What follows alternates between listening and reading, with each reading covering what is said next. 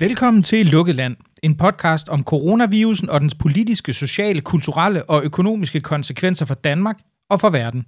Mit navn det er Mikkel Andersen, og hver anden dag der taler jeg med en person, som har særlig indsigt i nogle af de problemstillinger, der er forbundet med den største krise i nyere Danmarks historie. I dag skal vi se på, hvordan corona har ramt Afrika, og hvad konsekvenserne for kontinentet kan blive. På den ene side opholder folk i landene her så typisk mere udendør. De yngre og kontinentet blev senere ramt, end Europa gjorde. Men på den anden side er sundhedssystemerne langt mere skrøbelige, og retningslinjerne for social distancering kan være svære at følge for mange. Og hvad med det store antal HIV-positive? Kan erfaringerne med bekæmpelse af malaria, ebola og tuberkulose bruges til noget? Og hvad med hygiejnen? Er råden om afspritning og blive hjemme mulige i lande, hvor mange bor i tæt befolkede byområder adgang, uden adgang til gode sanitære forhold? Og ved konsekvenserne af et økonomisk kollaps kunne blive værre end selve virusen for nogle af kontinentets skrøbelige økonomier. Og hvad med Kina, der har gjort en stor indsats for at gøre sin indflydelse gældende i Afrika? Er det en gylden mulighed for riget i midten? Det skal jeg tale med dagens gæst om, og han har været Fulbright Scholar ved Harvard og er Ph.D. fra Københavns Universitet, og så er han netop hjemvendt fra et længere ophold i Senegal og arbejder nu for konsulenthuset Dalberg med at støtte vestafrikanske Emergency Operations Centers, der bekæmper virusen, og har, han har rådgivet blandt andet regeringen i Rwanda.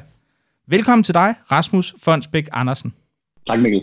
Lad os lige høre allerførst her. Hvad er de her Emergency Operations Centers? Hvad er deres rolle og funktion? Hvad er det, hvad er det de, de bistår de afrikanske lande med? Ja, et Emergency Operations Center, det er sådan et nervecenter for, hvad hedder det, for katastrofer, som kan blive aktiveret.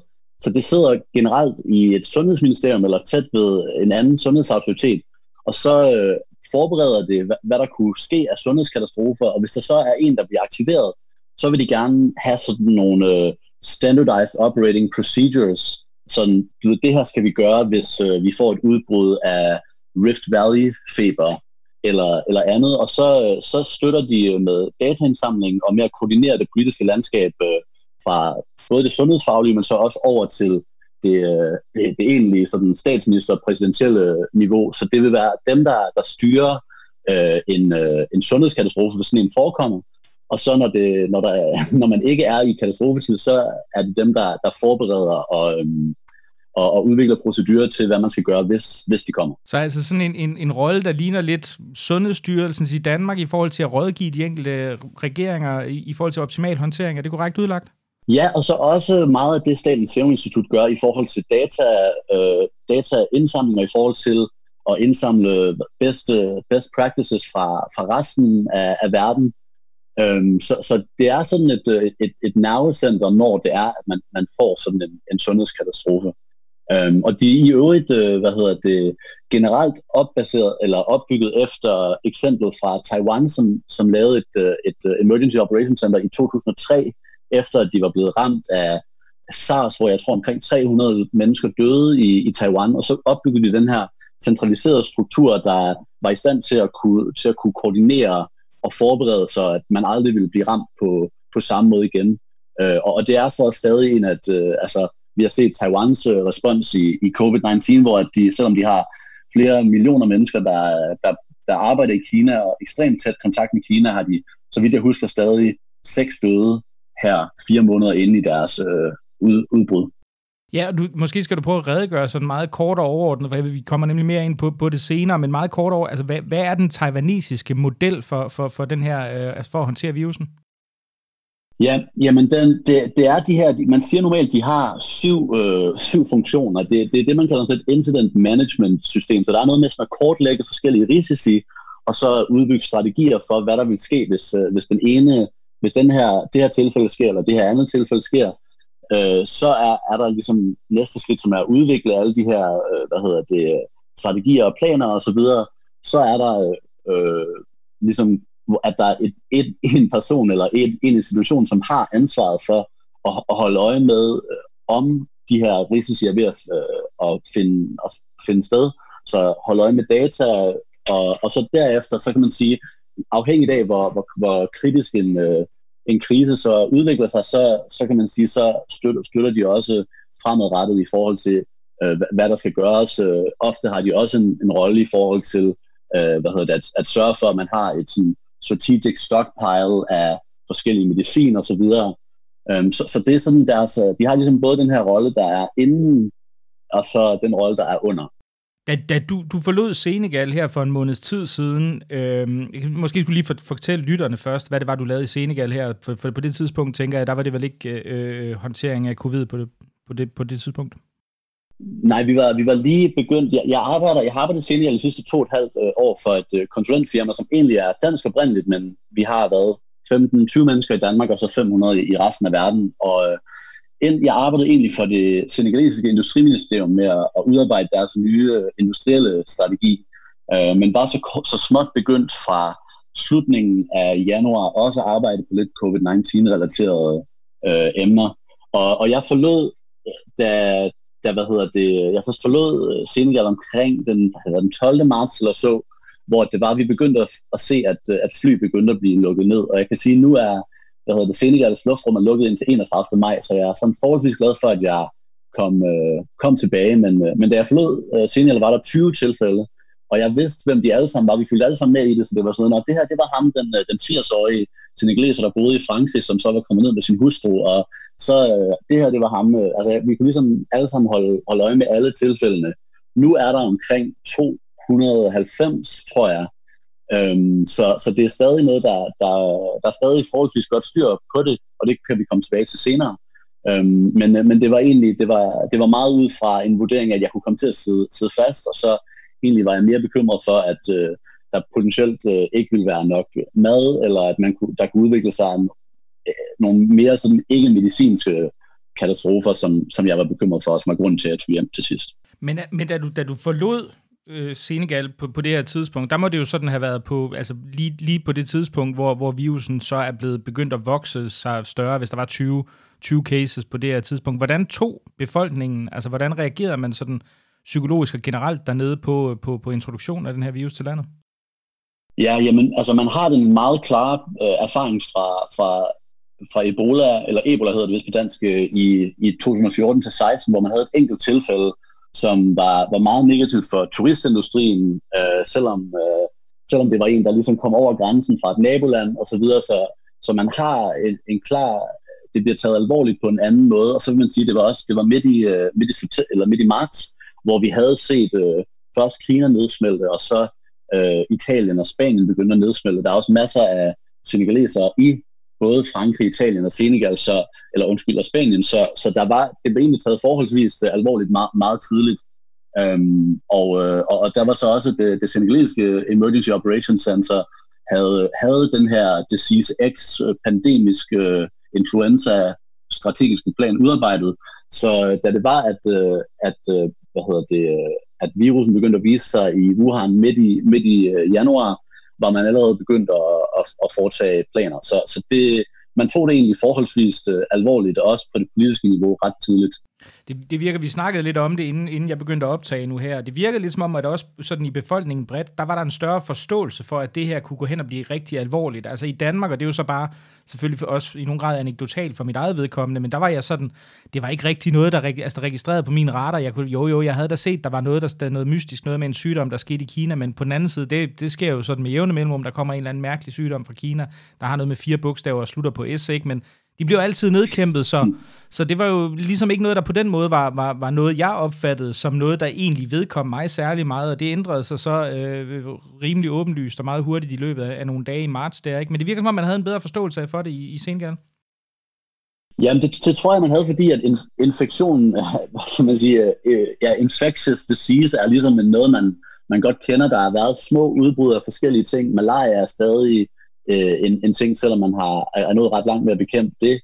Øhm, så, og, og som sagt, særlig, særlig Ebola der i, øh, i 2014-16, men man havde også øh, hvad hedder det, noget, der hedder Rift Valley Fever, der kom et mindre udbrud af øh, i 2018, så, så det er sådan noget, man, det, er ikke, det er ikke fremmed for, for folk, at, og, og folk kender, altså langt de fleste har et familiemedlem, der, altså hvis ikke alle, der, der død af malaria og så videre, så, så jeg, jeg tror, det kan have noget med det at gøre også. Man kan sige, du har jo så også rådgivet Rwanda, og det, det, er, jo, det er jo sådan et, et lidt andet land end Senegal. Rwanda har jo siden folkedrabet i, i 94, hvor, hvor Hutuerne øh, myrdede de her 700.000 øh, øh, Tutsier, øh, er blevet ledet af, af, af lederen af den tidligere Tutsi-milits, øh, Paul Kagame, som, som jo har formået at, hvad kan man sige, ikke alene bringe fred til landet, stoppe et folkedrab, men også gøre landet meget rigt, men også et, et vi kan godt, måske godt kalde det noget autoritært styre, hvor, hvor det er lidt svært at være opposition til, øh, til, til, til Kagame der. Hvordan har man håndteret det her? Ja, man er nået øh, utrolig langt i, i Rwanda på 25 år efter folkedrabet, og øh, Rwanda fik, de har et, et stort statsligt luftselskab, Rwanda Air, som egentlig flyver ret, ret bredt, så, så man havde tænkt, at det ville komme til Rwanda tidligere, men det kom forholdsvis, øh, forholdsvis sent. Jeg tror, de havde deres første tilfælde midt, midt i marts, så man havde haft de her to øh, måneder til, til at forberede, og da man så, øh, og man testede fra ja, også slutningen af, af, af januar, så, så vidt jeg husker, øh, for, for covid-19. Så da man så fik sit øh, hvad hedder det, første tilfælde, de blev selvfølgelig øh, sat i karantæne, deres øh, hvad hedder det, kontakter blev, øh, blev øh, identificeret, og så blev de testet osv. Og, og så øh, gjorde man faktisk, jeg tror, at man havde 10 tilfælde, lavede man en, øh, en, en lockdown, øh, som øh, hvad hedder det, er ja, betydeligt hårdere end den, den danske lockdown. Og det kan man så diskutere, det tror jeg, vi kommer til at diskutere senere, i hvilken grad lockdowns er det rigtige øh, øh, redskab, men, men det, det i hvert fald gør, at det vinder en tid, som, øh, som man så kan, kan bruge til øh, at og, og, hvad hedder det, finde ud af, hvad man, hvad man skal gøre. Og, og i det her, den her krise, tror jeg, vi alle har oplevet, at øh, en måned føles som et år næsten, så, så vi ved utrolig meget mere, når vi er med en måned senere frem, har det været tilfældet indtil videre. Den lockdown, altså det var simpelthen regulært udgangsforbud, eller hvordan?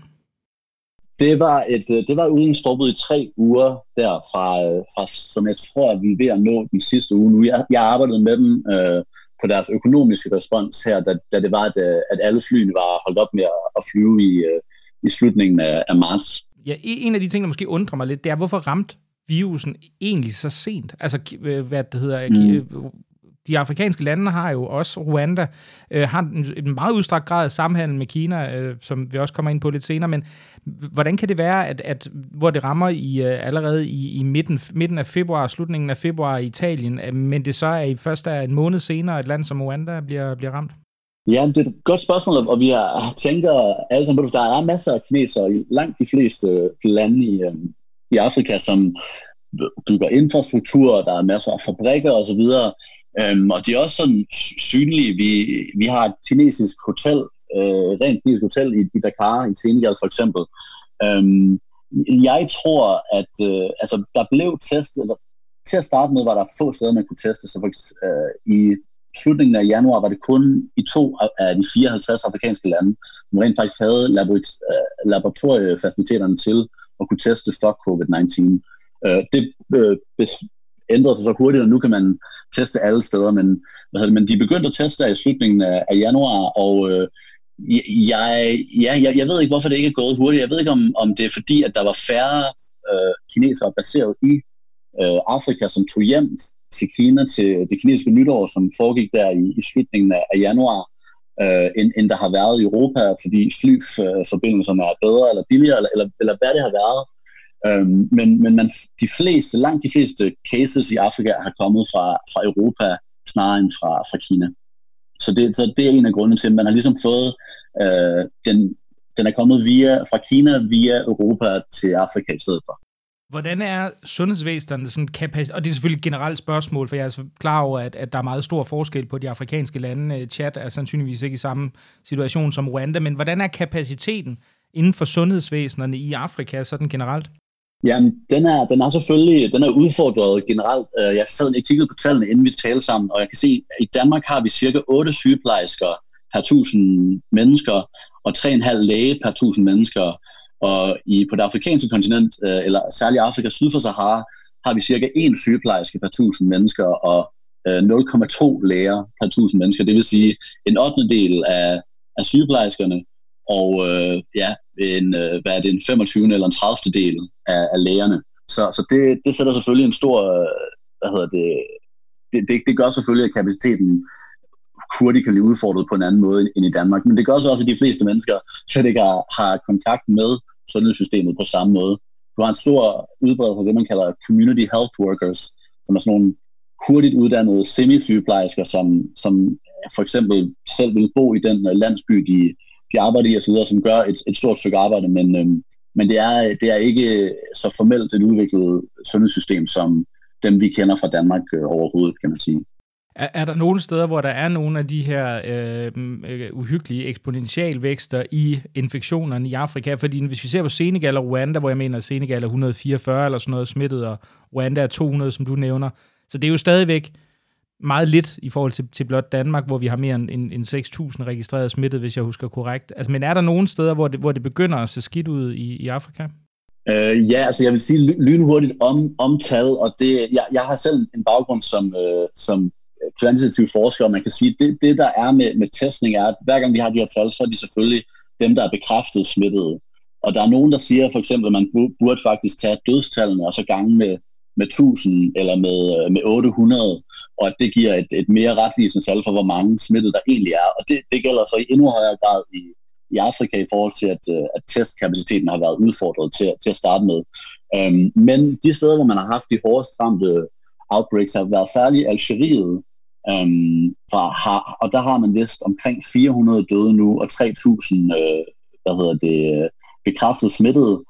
Øhm, det, en, af de, en af de vildeste historier er faktisk øh, Burkina Faso, som er sådan meget, meget fattigt øh, Sahel-land, øh, hvor at øh, hele regeringen, den første, der døde, var, hvad hedder det, øh, var vice, øh, viceformand for, øh, for parlamentet, og jeg har, jeg har, jeg har en, en god ven, som arbejder for, for præsident, øh, præsidentens kontor i, i Burkina, og det er hele det øverste lag af, af regeringen i Burkina, der er, er ramt. Og man har så, hvad har man, 40, 40 bekræftede døde, men, øh, hvad hedder det, men det har virkelig lukket, lukket landet ned, fordi at øh, dem, der blev ramt, var ambassadørerne, øh, de øh, embedsmændene, politikerne, øh, så, så det er, det er et, af, et af de lande, jeg har kigget meget interesseret og bekymret på. Hvis vi ser på, på sådan noget som aldersfordelingen, den er jo noget anderledes, øh, end den er i Europa. Altså, du nævnte for mig, da vi snakkede sammen øh, inden udsendelsen her, at, at 25 procent af italienerne er, er over 65 år, mener jeg det var. Kan det passe? Ja. Og øh, det tilsvarende tal i de fleste afrikanske lande, det er omkring 3%. Og man kan jo sige, i og med, at vi ved, at den her øh, covid-19-virus har en ekstrem høj slagside i forhold til dødelighed, når, når du rammer egentlig over 60 år, men i særdeleshed over 70 og 80, jamen så, så må man jo også antage, at, at det i hvert fald trods alt stiller afrikanerne lidt bedre, eller hvordan? Ja, det, det tror jeg også er en af grundene til, at vi ikke har, altså, har set så meget endnu, fordi når det er, at folk bliver smittet og, og er yngre, er der en langt større andel, som er, er asymptomatiske og som har, har mindre har mildere symptomer. Øh, så, så ja, den her forskel med, at det er 3% af befolkningen, der er over 65 i forhold til, til 25, gør en kæmpe forskel for, hvor mange døde man får, hvor mange, der, kræver, der har brug for hospitalsbehandling, øh, hvor mange, der bliver, der bliver hårdt syge. Øhm, og, og det betyder også noget for omkostningerne ved krisen. Så man kan sige, de her kalkyler, vi, vi, vi taler om i Danmark om, sådan, jamen, skal vi lukke lidt mere op i forhold til, øh, hvad omkostningerne er for at have lockdown, og hvad vil omkostningerne være, hvis, øh, hvis vi tog en mere svensk strategi osv., de ser lidt anderledes ud i, i Senegal, simpelthen fordi at, øh, at alene af, af den her alders øh, grund, af den her aldersstruktur øh, faktor, vil øh, og ser udbuddet allerede helt anderledes ud. Altså, så, så for mig at se, at det er den, den ene vigtige faktor, man skal tage med sig, som gør, at man heldigvis kan være mindre bekymret på det afrikanske kontinents vegne, end, øh, og, og ikke regne med, at vi får den samme, samme slags scenarier, som vi har haft i Italien, New York osv. Der, der er simpelthen ikke, jeg ved ikke, det, det spørger jeg helt åbent, men, men der er ikke nogen afrikanske lande, hvor det forholder sig anderledes, altså i forhold til den demografiske profil, Sydafrika eller... eller altså Syd, Sydafrika har en, har en lidt ældre befolkning, og det samme har nord, de nordafrikanske lande, og man kan sige, indtil videre er det faktisk de nord, nordafrikanske. Det er, det er Algeriet og Ægypten og Marokko, som alle tre er i Nordafrika, og så er det Sydafrika, som er de, de der har den mindste, øh, altså den ældste aldersstruktur, det er de fire lande, der, der er absolut hårdest ramt. De tester så også flere, øh, men, øh, men det, der er ingen tvivl for mig om, at det er en, en kæmpe og, og, og helt klart den primære forskel for Afrika i forhold til alle andre steder i verden. Hvad med forsyningssikkerheden i, uh, i Afrika? Altså, for jeg tænker på, det er vel noget af det, som, som ret nemt kan blive relativt uh, destabiliseret i, i et land, som øh, i den internationale konkurrence også står anderledes end for eksempel Europa gør, og, og som også på mange andre måder er skrøbeligt. Hvad er der nogen Ja, man kan sige, vi, vi har jo set uh, i, i, ja, i Danmark lidt, lidt hamsing til at starte med, men i Storbritannien og USA har der manglet toiletpapir og det ene og det andet. Vi har, og man kan sige, en af de helt store ting har selvfølgelig også været værnemidler, masker, visirer øhm, og så videre, testmidler til, til at starte med. Øhm, og og der, der står Afrika anderledes, øh, altså også, også svagere i forhold til, at man A er ekstremt afhængig af, af import af enormt mange nødvendigheder, både mad, hvad enten det er ris fra, fra Thailand, eller hvede, eller kylling, protein, øhm, eller de her værnemidler. Øhm, så, så det er faktisk, øh, jeg tror, at vi generelt at der er kommet en konsens, eller ved at opstå en konsensus om, at vi egentlig nok burde være mere bekymrede for forsyningssikkerheden af de her nødvendige, øh, nødvendige produkter i, i Afrika end, end for, for sundhedsdelen delen af det. Øhm, man kan sige, at vi kan allerede se nu, at, øh, at øh, hvad hedder det, sær, særlig ja, ris er, er sådan noget, som der Thailand har lukket for at eksportere, eller hvad hedder det, i hvert fald sat eksportkvoter på for begrænse eksporten. Og, og hvad hedder det, vi har, vi har set, at øh, fly holder op med at flyve, og rigtig mange ting er importeret ved, øh, ved igennem med passagerfly til, til Afrika. Der er færre øh, fragtskibe, der, der sejler rundt, og de kræver en højere betaling.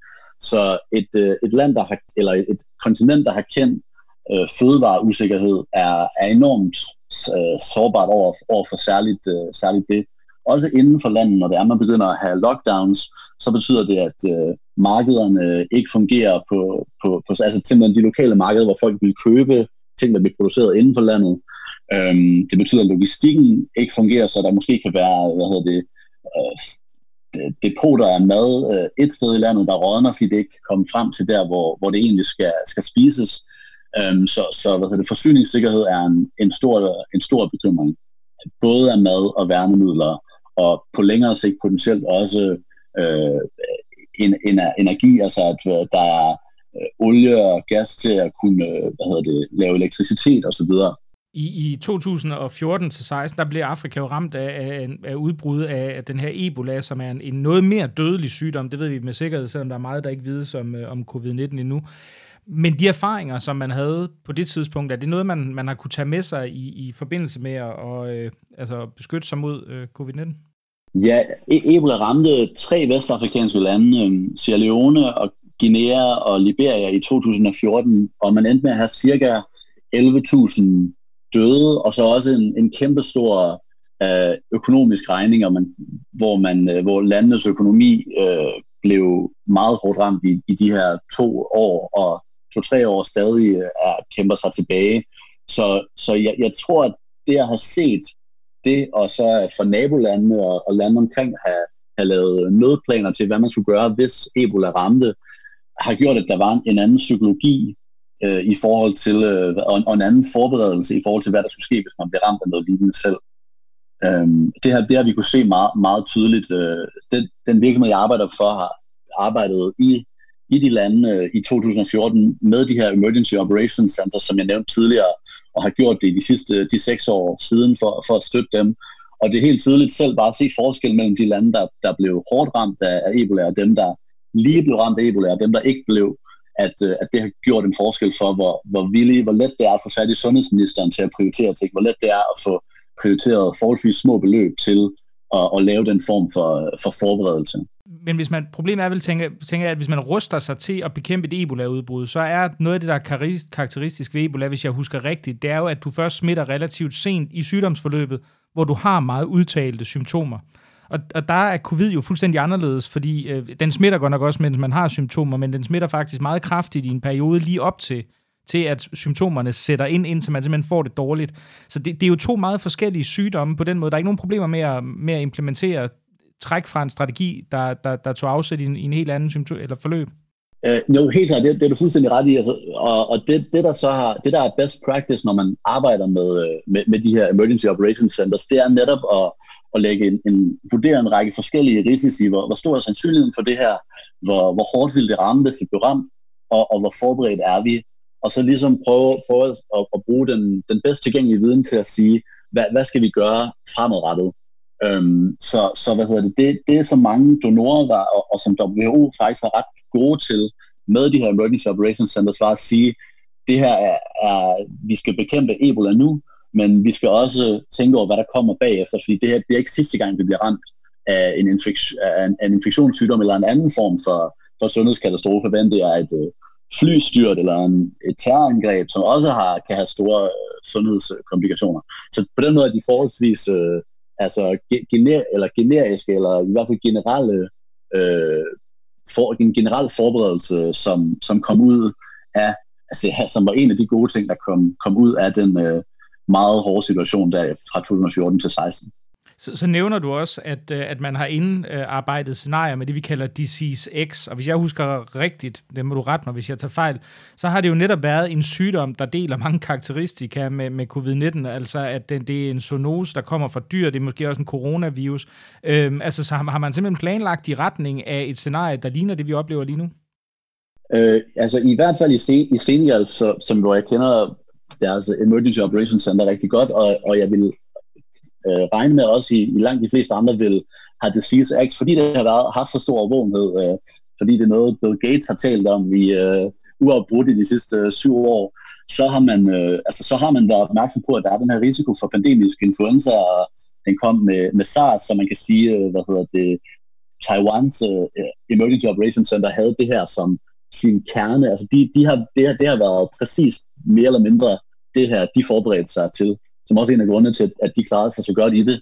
Um, så, så man har faktisk været forberedt mange steder på noget meget, øh, på noget, noget der, ville, der lignede det her enormt meget, fordi det, det kom jo ikke det kom jo ikke som et, mere et chok, end som så, hvis man var inden for folkesundheds øh, kredse og så videre. Der, der er to, øh, to dokumentarer på Netflix, som jeg kan anbefale, der, der blev begge blev lavet i, øh, i foråret, eller i efteråret 2019, som, øh, som handler om, om, om pandemier inden covid-19 øh, brød ud.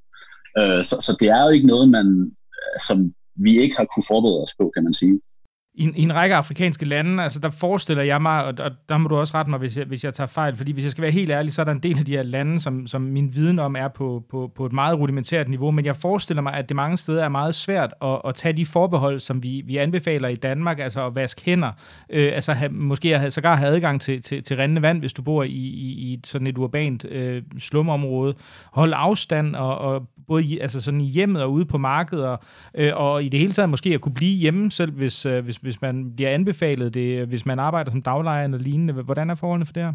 Ja, altså i forhold til, til at vaske hænder, så er det jo det er noget, der bliver, bliver stærkt anbefalet, men vi kan også se på de seneste data fra, fra UNICEF, som, som, gjorde, som kortlagde det her i 2017, at det kun er cirka 15 procent af mennesker i Afrika Syd for Sahara, der har adgang til at vaske hænder med, med sæbe. Øh, så har man nogle gange en sådan begrænset adgang, hvor at, øh, du måske bor, øh, der, du deler en, øh, et sted, hvor du kan vaske hænder med en 200-300 mennesker, men, øh, men det er immer væk øh, en, en helt anden øh, situation, øh, og det kan være meget svært at, at følge.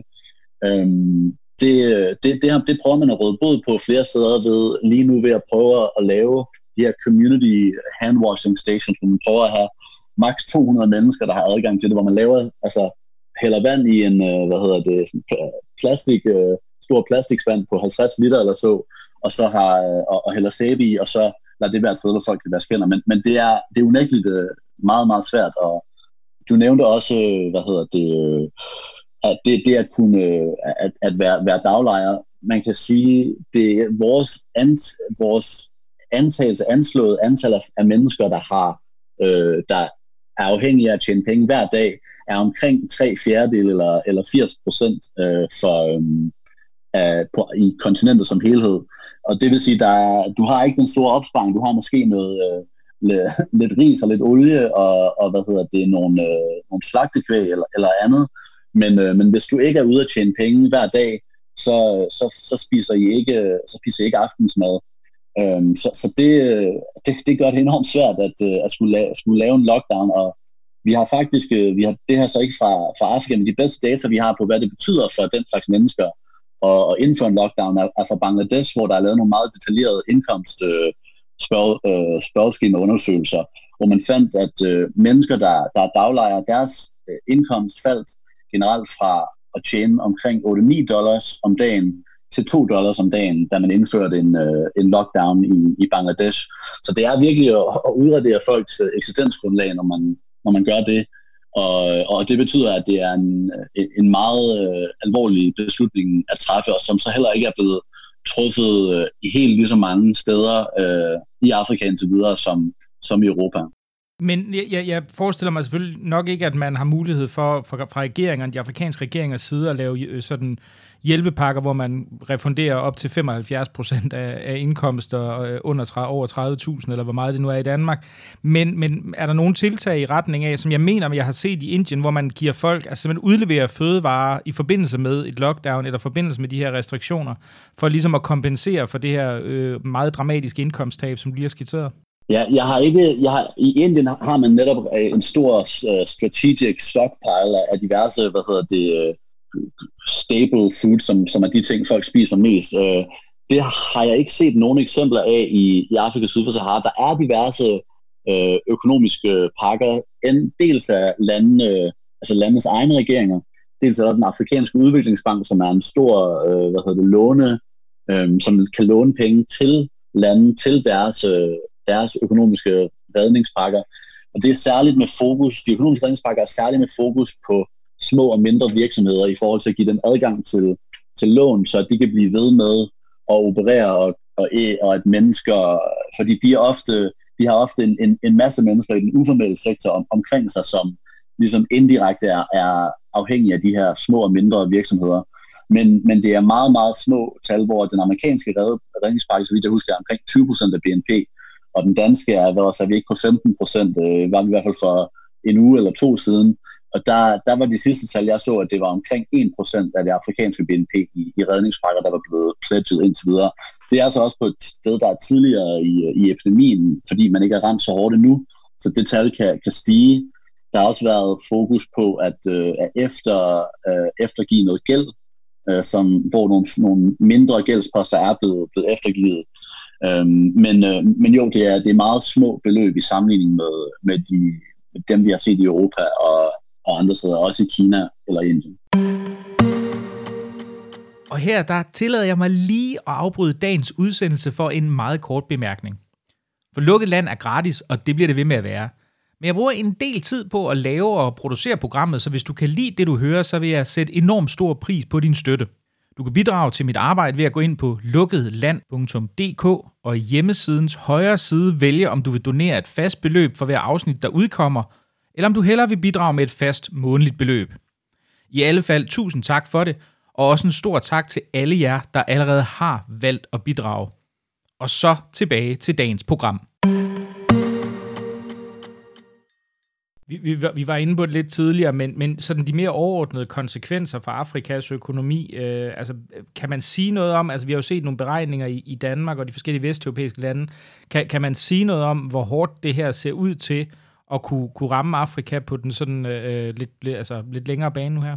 Ja, der er diverse økonomiske institutioner, som FN's øh, Economic Commission for Africa, der er øh, den afrikanske udviklingsbank, McKinsey osv., og, og det, det man generelt har, de, de estimater, jeg har set, at man regner med, at væksten vil falde i, efter forskellige scenarier øh, et sted mellem 3 og 8 procentpoint.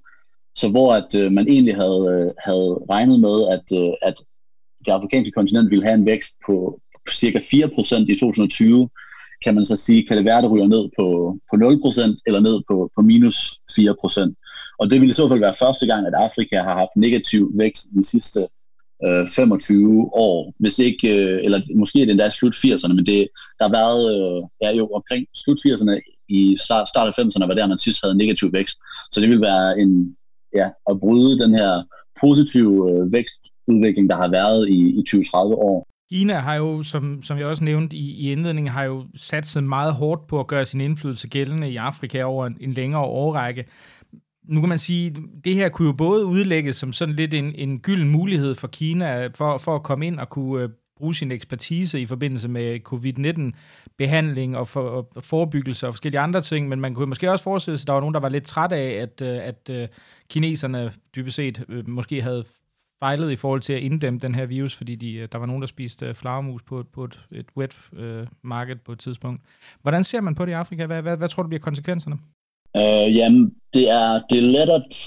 Altså, der har helt klart været noget, øh, hvad kalder man det, øh, scape, scapegoating i forhold til, det har været, det har ikke været sjovt at være kineser i Afrika i de sidste par måneder. Øh, det har det jo heller ikke øh, på, i, i nogle lande for, øh, for europæere, som jo har bragt masser af smitte til, øh, til, til Afrika.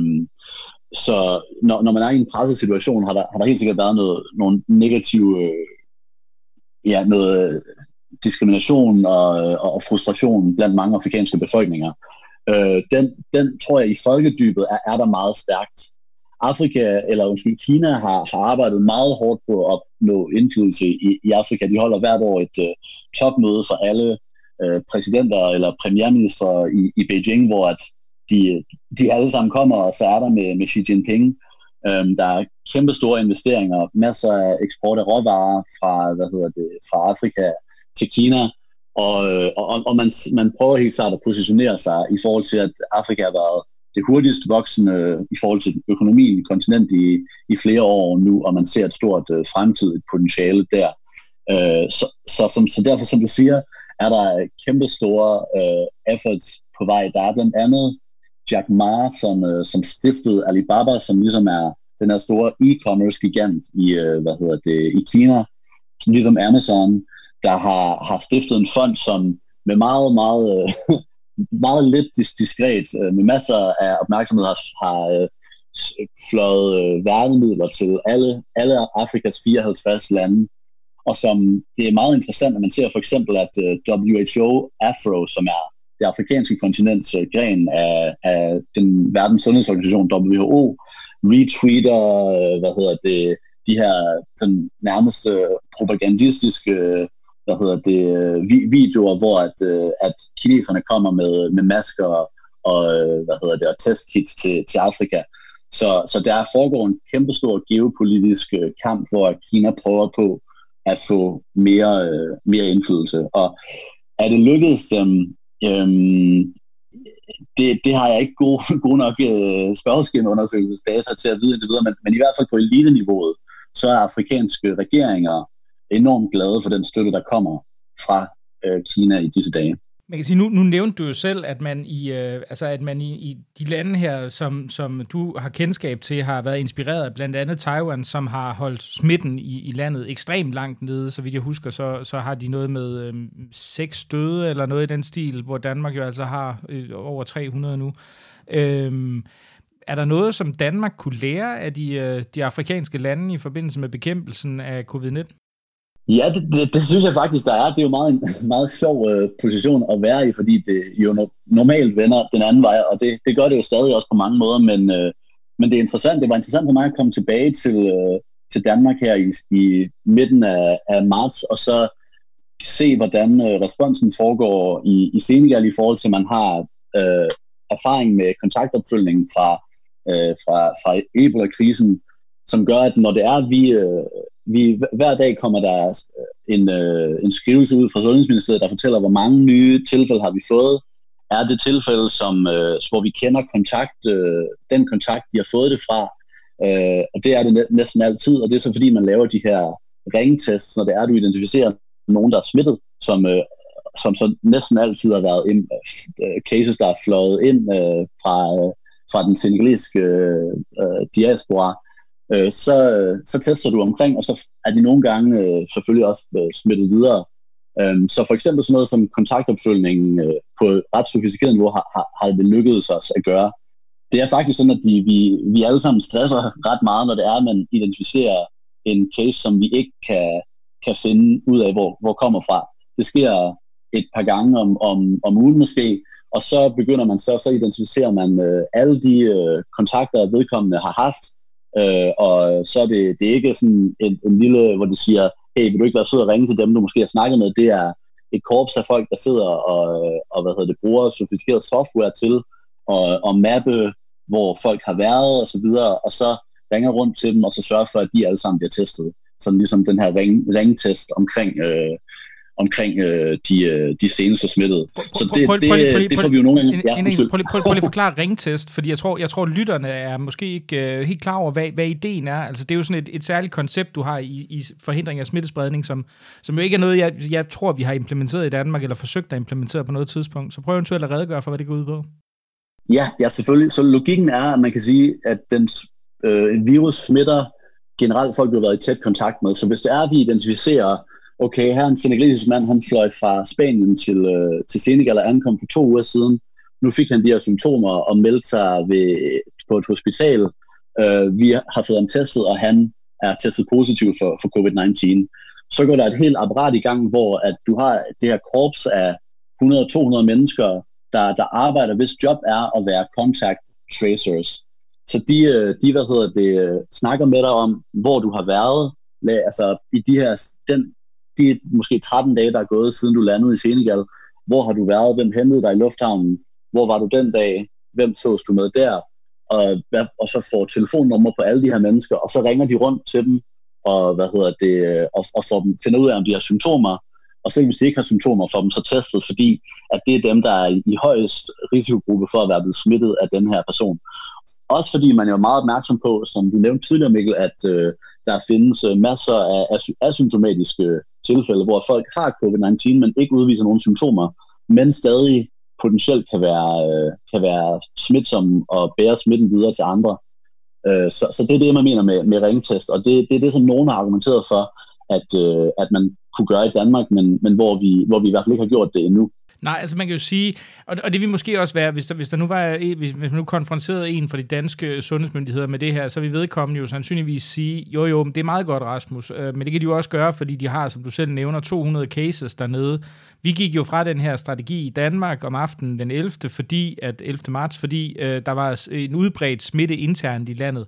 Øh, så der vil de vil sige, jamen hvis jeg nu skulle være, være, være djævelens advokat her, øh, det kan jo ikke lade sig gøre, og når, når du pludselig har en meget udbredt smitte, som spreder sig i landet, og netop ikke er fra udefra kommende personer længere.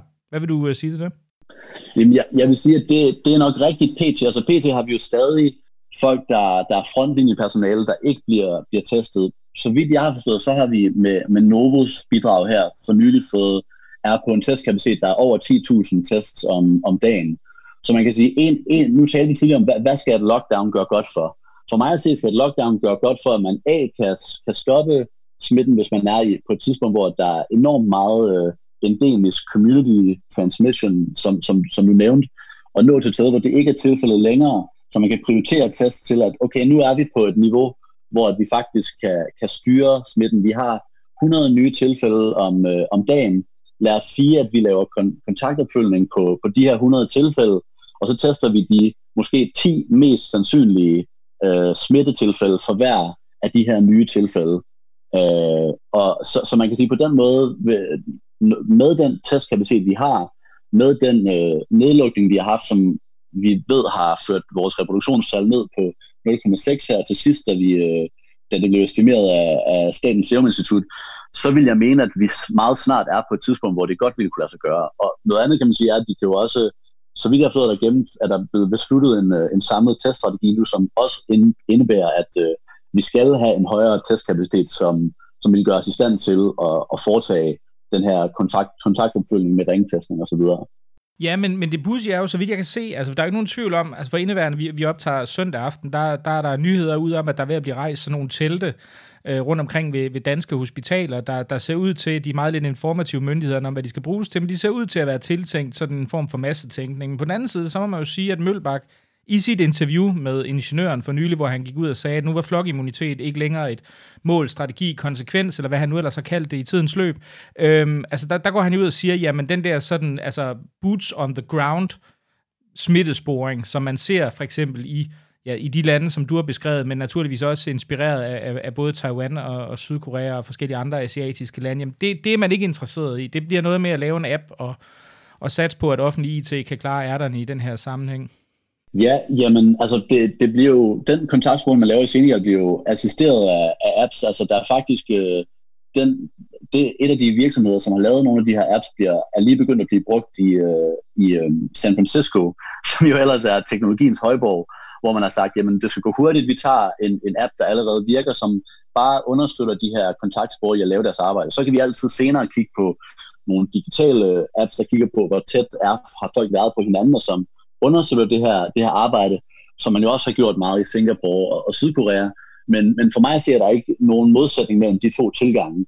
Og man kan sige, i forhold til hvor meget vi, jeg tænker, at øh, selv den delvise lockdown, vi fortsætter med nu, koster landet, øh, så tænker jeg, at det er en meget, meget lille investering, selv hvis det koster, lad os sige, øh, 20 millioner kroner per, om måneden at lave den her øh, opsporing. Ja, for det, altså, det er jo en af de ting, der undrer mig. Det er jo, at, at man ser det på en eller anden måde i den danske debat, eller mange gør på en eller anden måde, ser de her tiltag som værende i modsætning til en oplukning, hvor det jo i, i vidstrækning er, synes jeg i hvert fald, virker til at være en forudsætning for det, fordi du netop har mulighed for at kunne holde smitten på et meget lavt niveau, og, og ikke risikere at komme ind på de her hurtige eksponentialkurver, der gør, at man bliver tvunget til eventuelt at gennedlukke samfundet. Ja, man kan sige, at de eneste samfund, som vi har set, der har været i stand til at, at opretholde en, en vis øh, åbenhed i, på længere tid, altså Sydkorea, øh, øh Japan, Singapore osv., Taiwan, har jo benyttet sig af, af kontaktopsporing, og så mere eller mindre øh, sofistikerede øh, digitale løsninger også. Så, så, så for, for mig at se, altså, er, er, er det faktisk meget interessant at se. Det er måske noget andet, vi kan lære af, af Afrika af, at vi vi i Danmark godt kan lære af, af andre lande, og hvordan de griber tingene ad. an. Det, det er meget tydeligt, at der er visse lande, der er kommet bedre ud af det her end andre, og, og det er jo også grunden til, tror jeg, at man fra det politiske niveau, øh, hvad var det, ja, 10. eller 11. marts, træffede en tidlig beslutning, fordi at man ligesom kunne se, at vi, vi kan, der er ingen grund til, at vi skal gå igennem det, vi kan godt lære, lære andre. Men øh, det, det har man været utrolig god til i, i, øh, i, i de afrikanske lande, som jeg har arbejdet tæt ved, hvor man holdt øje med, med det her og, og studerede øh, deres øh, planer og tilgange og, og de 124 tiltag, som øh, Taiwan øh, tog fra 29. december til 14. januar fra, ja, fra et meget tidligt tidspunkt. Så det, det vil jeg klart mene måske den anden ting, vi, vi kan lære i Danmark. Hvis, hvis jeg nu skal spørge, det er jo selvfølgelig meget polemisk stillet op, ikke? Men, men, men hvis vi, fordi, og jeg tænker, at lad os tage for givet, at vi begge to synes, at den nedlukning, der blev lavet i Danmark den 11. marts, den har været ekstremt effektiv og, og timelig og, og så videre. Men hvis vi nu skulle se på, hvem du var mest tryg ved, skulle behandle øh, sådan, man kan sige, smittesporingen og inddæmningen fremadrettet, eller i hvert fald nedkæmpelsen af virusen, det kan være, vi ikke skal kalde det inddæmning, det er jo sådan et, et udtryk, der er lidt problematisk. Hvem, hvad vil du så sige? Vil du mene, at de, øh, de danske myndigheder eller de senegalesiske myndigheder er mest øh, betryggende i den her henseende? Altså, det var faktisk noget, jeg, jeg, da jeg skulle træffe min beslutning om, hvorvidt jeg skulle tage fra Senegal til, øh, til Danmark eller ej, stod jeg jo for det første med, at der var 20 tilfælde i, i Senegal og 800 i Danmark. Og så stod jeg også med, øh, at øh, altså, der er ligesom da, da jeg landede i, jeg landede faktisk i, i Tyskland, og så skulle jeg så fra Tyskland til den danske grænse, men jeg blev aldrig testet på noget tidspunkt. Øh, der var aldrig nogen, der tog min, øh, min temperatur, der var aldrig nogen, der spurgte mig, hvor jeg kom fra, eller om jeg havde symptomer osv. Hvorimod, da jeg skulle med mit fly fra lufthavnen i Senegal, havde alle værnemidler på. Jeg blev, fik taget min temperatur flere gange. Jeg blev spurgt, om jeg havde nogle symptomer. Jeg blev spurgt, hvor jeg, om jeg havde haft kontakt med nogen, der havde haft symptomer. Altså der, for, for mig at se, er der ingen tvivl om, at Senegal var meget bedre rustet som et lavindkomstland i Vestafrika til den her krise, end, end Danmark var på det samme tidspunkt i, i, der i, i midt øh, marts. Ja, det er vel en vild ting, jeg tror, der vil komme bag på, på en del umiddelbart. Det overraskede i hvert fald mig en del. Men måske skal vi lige tage den med, øh, med øh, værnemidlerne. For jeg ved, en af de ting, som du er gået ret meget op i og har skrevet om i flere sammenhænge, også med generelt og ikke specifikt relateret til Afrika, jamen, det er ansigtsmasker som jeg ved også er relativt udbredt, i, i hvert fald i Vestafrika. Der er, det, der er det jo stort set ikke en del af det danske beredskab overhovedet. Altså man er jo nærmest gået ud og sagt, at fra danske myndigheders side, at, at ansigtsmasker skal, de har ikke nogen effekt, og du skal jo ikke lade være med at gå med med medmindre du skal til læge af en eller anden grund, fordi lige præcis i den case, så kan de åbenbart have en eller anden form for effekt. Hvad, hvad tænker du i forhold til det? Ja, altså der har været, der var en lang, lang polemik om, om hvorvidt, at, at ansigtsmasker var noget, som den øh, brede befolkning skulle bruge, og man kan sige, for mig så øh, det, det kom fra, fra WHO til at starte med, hvor at man, man var meget bekymret for, at øh, hvad hedder det, frontlinjepersonale, særligt sundhedspersonale, men også andre frontlinjepersonale, skulle have adgang til de her værnemidler, fordi de er klart de mest udsatte.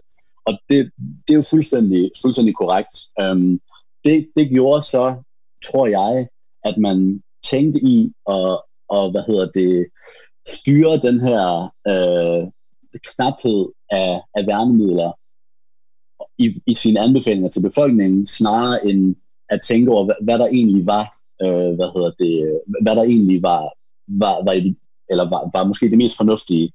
Øhm, så så for, for mig at se, nu, nu er vi heldigvis nået et sted, hvor at, øh, i, øh, både i Kina har man åbnet øh, maske, altså de her mundbindsfabrikker og så videre op i, i Japan og Nordafrika og Taiwan og Japan har man skaleret produktionen enormt hurtigt op. Øhm, så forhåbentlig kommer den her knaphed til at opløse sig snart. Øh, men, men, men problemet er, at, øh, at det ligesom fører til den her anbefaling om, at man ikke skulle gå med, med masker eller med, med mundbind for den brede befolkning. Øh, hvorimod, det gjorde, man, det gjorde man meget i Østasien. Det var, altså, det kom særligt af, af SARS for 20 år siden, var der ikke nogen, der gik med, med masker øh, til, til daglig i, øh, i Japan eller i Singapore eller i Hongkong. Men det kom lige hurtigt, fordi at det var så, så vigtig en, en del af os, os hvad hedder det, at stoppe smitten dengang.